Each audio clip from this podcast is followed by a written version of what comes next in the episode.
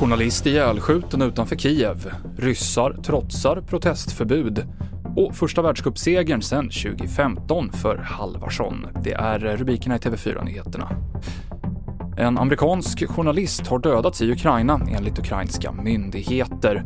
Han ska ha färdats i en bil när han träffades av beskjutning i Irpin utanför Kiev.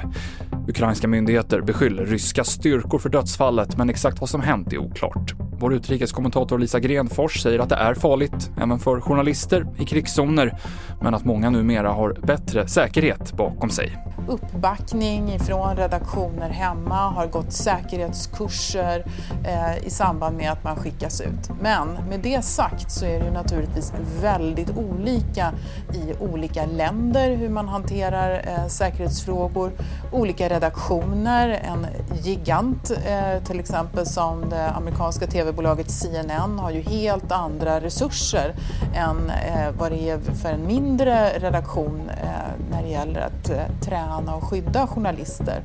Trots att demonstranter i Ryssland behandlas hårt och döms till böter eller kortare fängelsestraff så sker ändå protester i landet.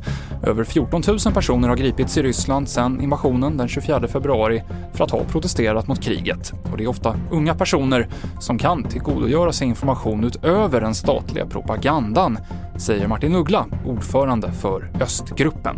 Det här handlar ju om de som ändå har kontaktytor och får ta del av eh, det informationsflöde som finns eh, utanför de väldigt hårt statskontrollerade massmedierna i Ryssland. Eh, och det är i första hand också då den yngre generationen som, som har vuxit upp med den sortens eh, närvaro på, via sociala medier, internet och då får eh, tillgång till en alternativ information jämfört med det som, som eh, Putin-regimen försöker pumpa ut. Det sa Martin Uggla och all vår rapportering om kriget i Ukraina hittar du på TV4.se och TV4 Play. Vi avslutar med svenska vintersportframgångar. Det blev svensk seger i dagens mixed sprintstafett i världscupen i längdskidor. Jonna Sundling och Kalle Halvarsson tävlade för Sverige och det var första gången på över fem år som Kalle Halvarsson får stå överst på pallen. Även i skidskytte var det mixed stafett idag och Sverige slutade tvåa efter Norge. Och det avslutar TV4-nyheterna med Mikael Klintevall i studion.